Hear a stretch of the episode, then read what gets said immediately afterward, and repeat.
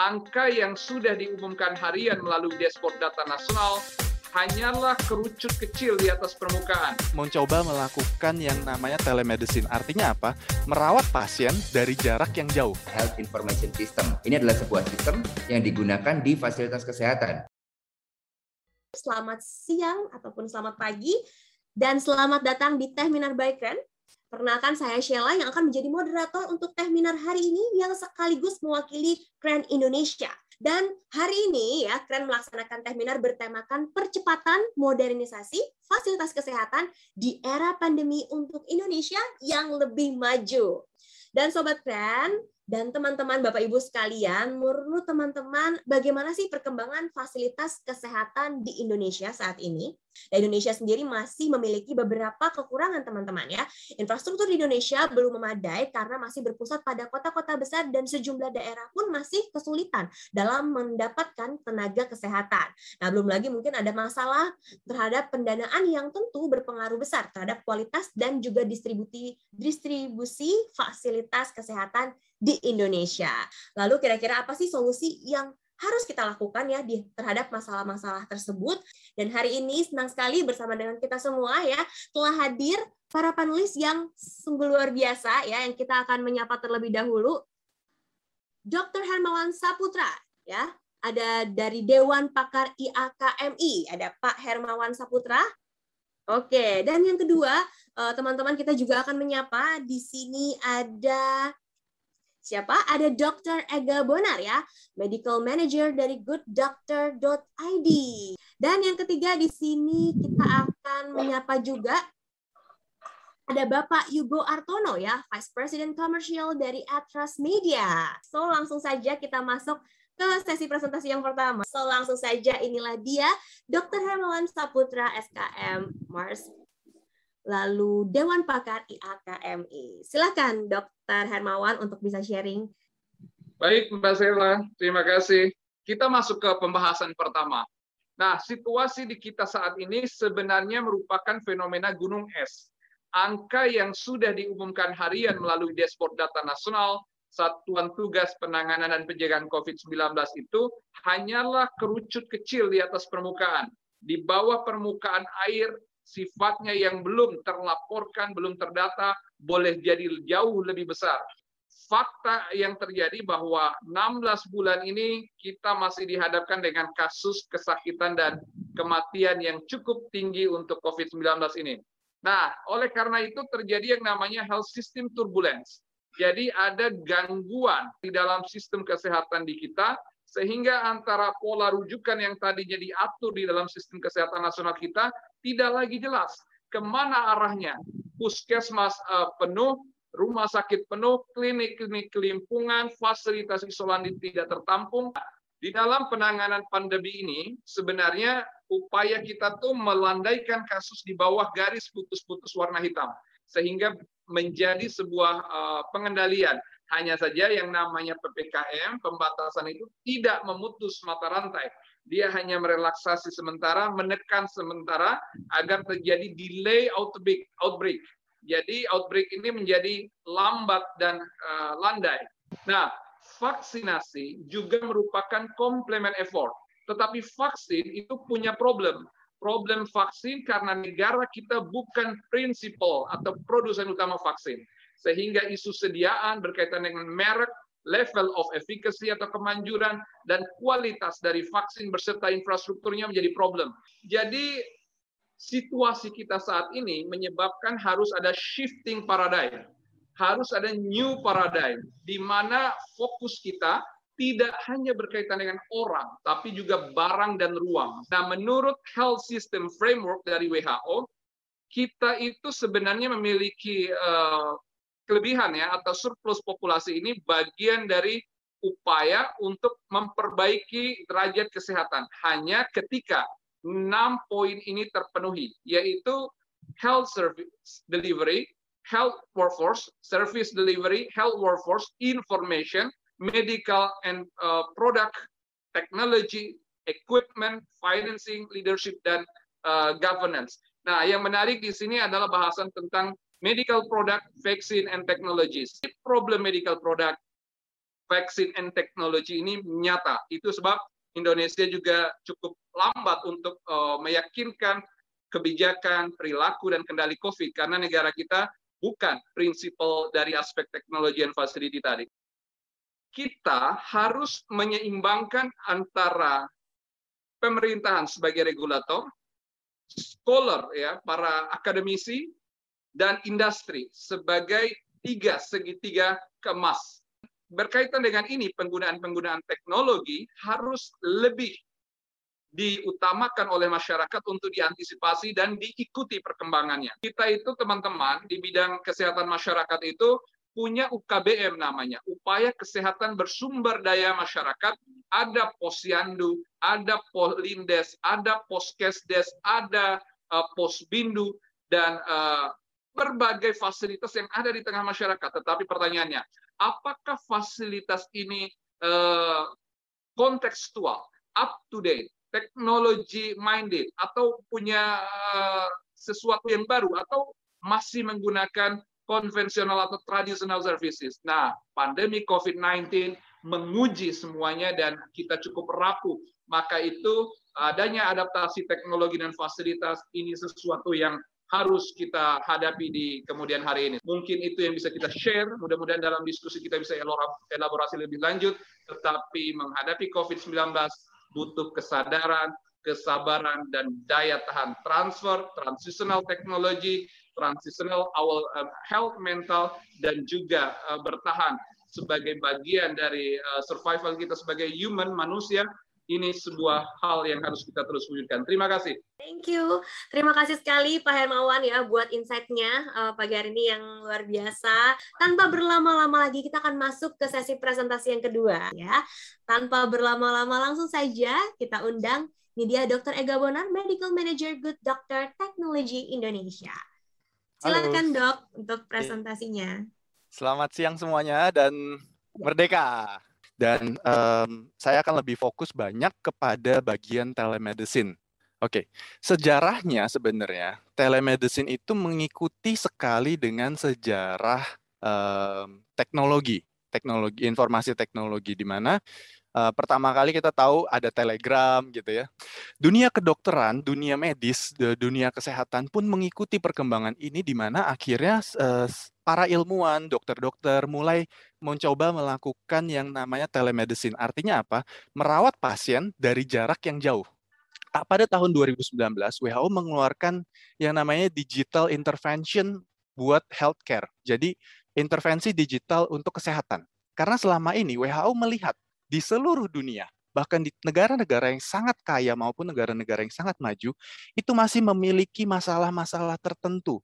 Rata-rata masalahnya terbagi menjadi lima, yaitu masalah affordability, atau apakah itu bisa uh, servis kesehatannya bisa dibayar, ya kan? Lalu bicara tentang kualitas.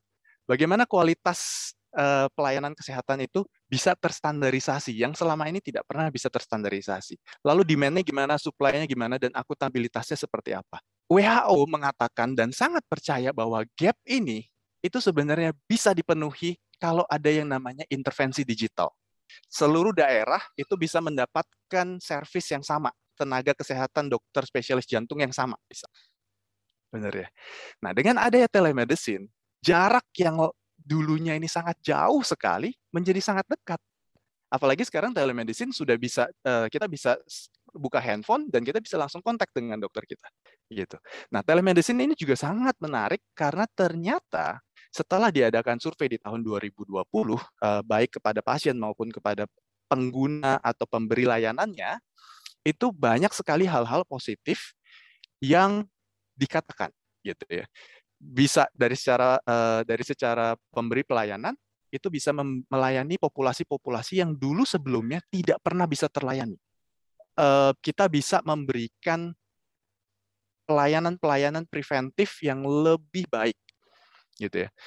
Lalu secara uh, finansial pun kita mengetahui dengan adanya teknologi seperti ini, ini jauh-jauh lebih murah. Masalah isu-isunya apa? Isu-isunya saat ini yang terjadi adalah berdasarkan uh, global data yang diambil di tahun 2020 juga, sebenarnya isu-isu um, yang lain, masalah reimbursement, masalah teknologinya itu sudah sedikit isunya. isu yang paling banyak justru adalah uh, awareness dari pasiennya atau kepedulian atau pengertian dari pasien untuk menggunakan layanan telemedicine ini. Seminggu yang lalu kira-kira pemerintah mengatakan bahwa kita akan hidup dengan COVID ini dalam jangka waktu yang mungkin lebih panjang dari yang kita harapkan kita mungkin akan ber, bahkan dikatakan bahwa bertahun-tahun kita akan hidup bersama-sama dengan COVID. Oleh karena itu, Menkes pada saat itu juga pada saat yang sama mengatakan bahwa ada target modernisasi baik di perdagangan, kantor ada enam uh, ada enam fokus di situ. Dan kita tahu enam fokus ini adalah enam fokus utama penggerak bidang ekonominya Indonesia. Tetapi harus diingat bahwa sebenarnya dari enam fokus ini ada satu link yaitu adalah link kesehatannya. Jadi perdagangan setelah masa COVID ini nggak akan pernah terputus dari yang namanya juga kesehatan. Gitu. Jadi dan ini membutuhkan yang namanya teknologi, teknologi, teknologi, database, big data, semua itu menjadi sangat penting di sini. Dan peran telemedicine juga menjadi sangat penting di sini. Kenapa? Karena pembagian-pembagian uh, dokter di Indonesia, kalau kita bicara tentang kesehatan itu tidaklah merata. Kita lihat di sini ini berdasarkan data dari ID bahwa dokter-dokter kita di Indonesia itu banyak eh, ada di Pulau Jawa, Sumatera dan Sulawesi. Oleh karena itu sekali lagi telemedicine adalah sebuah jembatan. Gitu. Tetapi akan akan tetapi selalu telemedicine ini juga eh, untuk pertama kalinya, untuk pertama kalinya menurut saya tahun eh, di awal tahun 1960-an itu uh, seorang profesor di Amerika. Uh, beliau mengatakan menyusung yang namanya iron, iron triangle of healthcare, di mana accessibility, affordability, sama quality itu nggak bisa tiga-tiganya diangkat. Nggak mungkin aksesnya mudah, harganya murah, tapi kualitasnya tinggi. Pasti ada salah satu yang harus turun.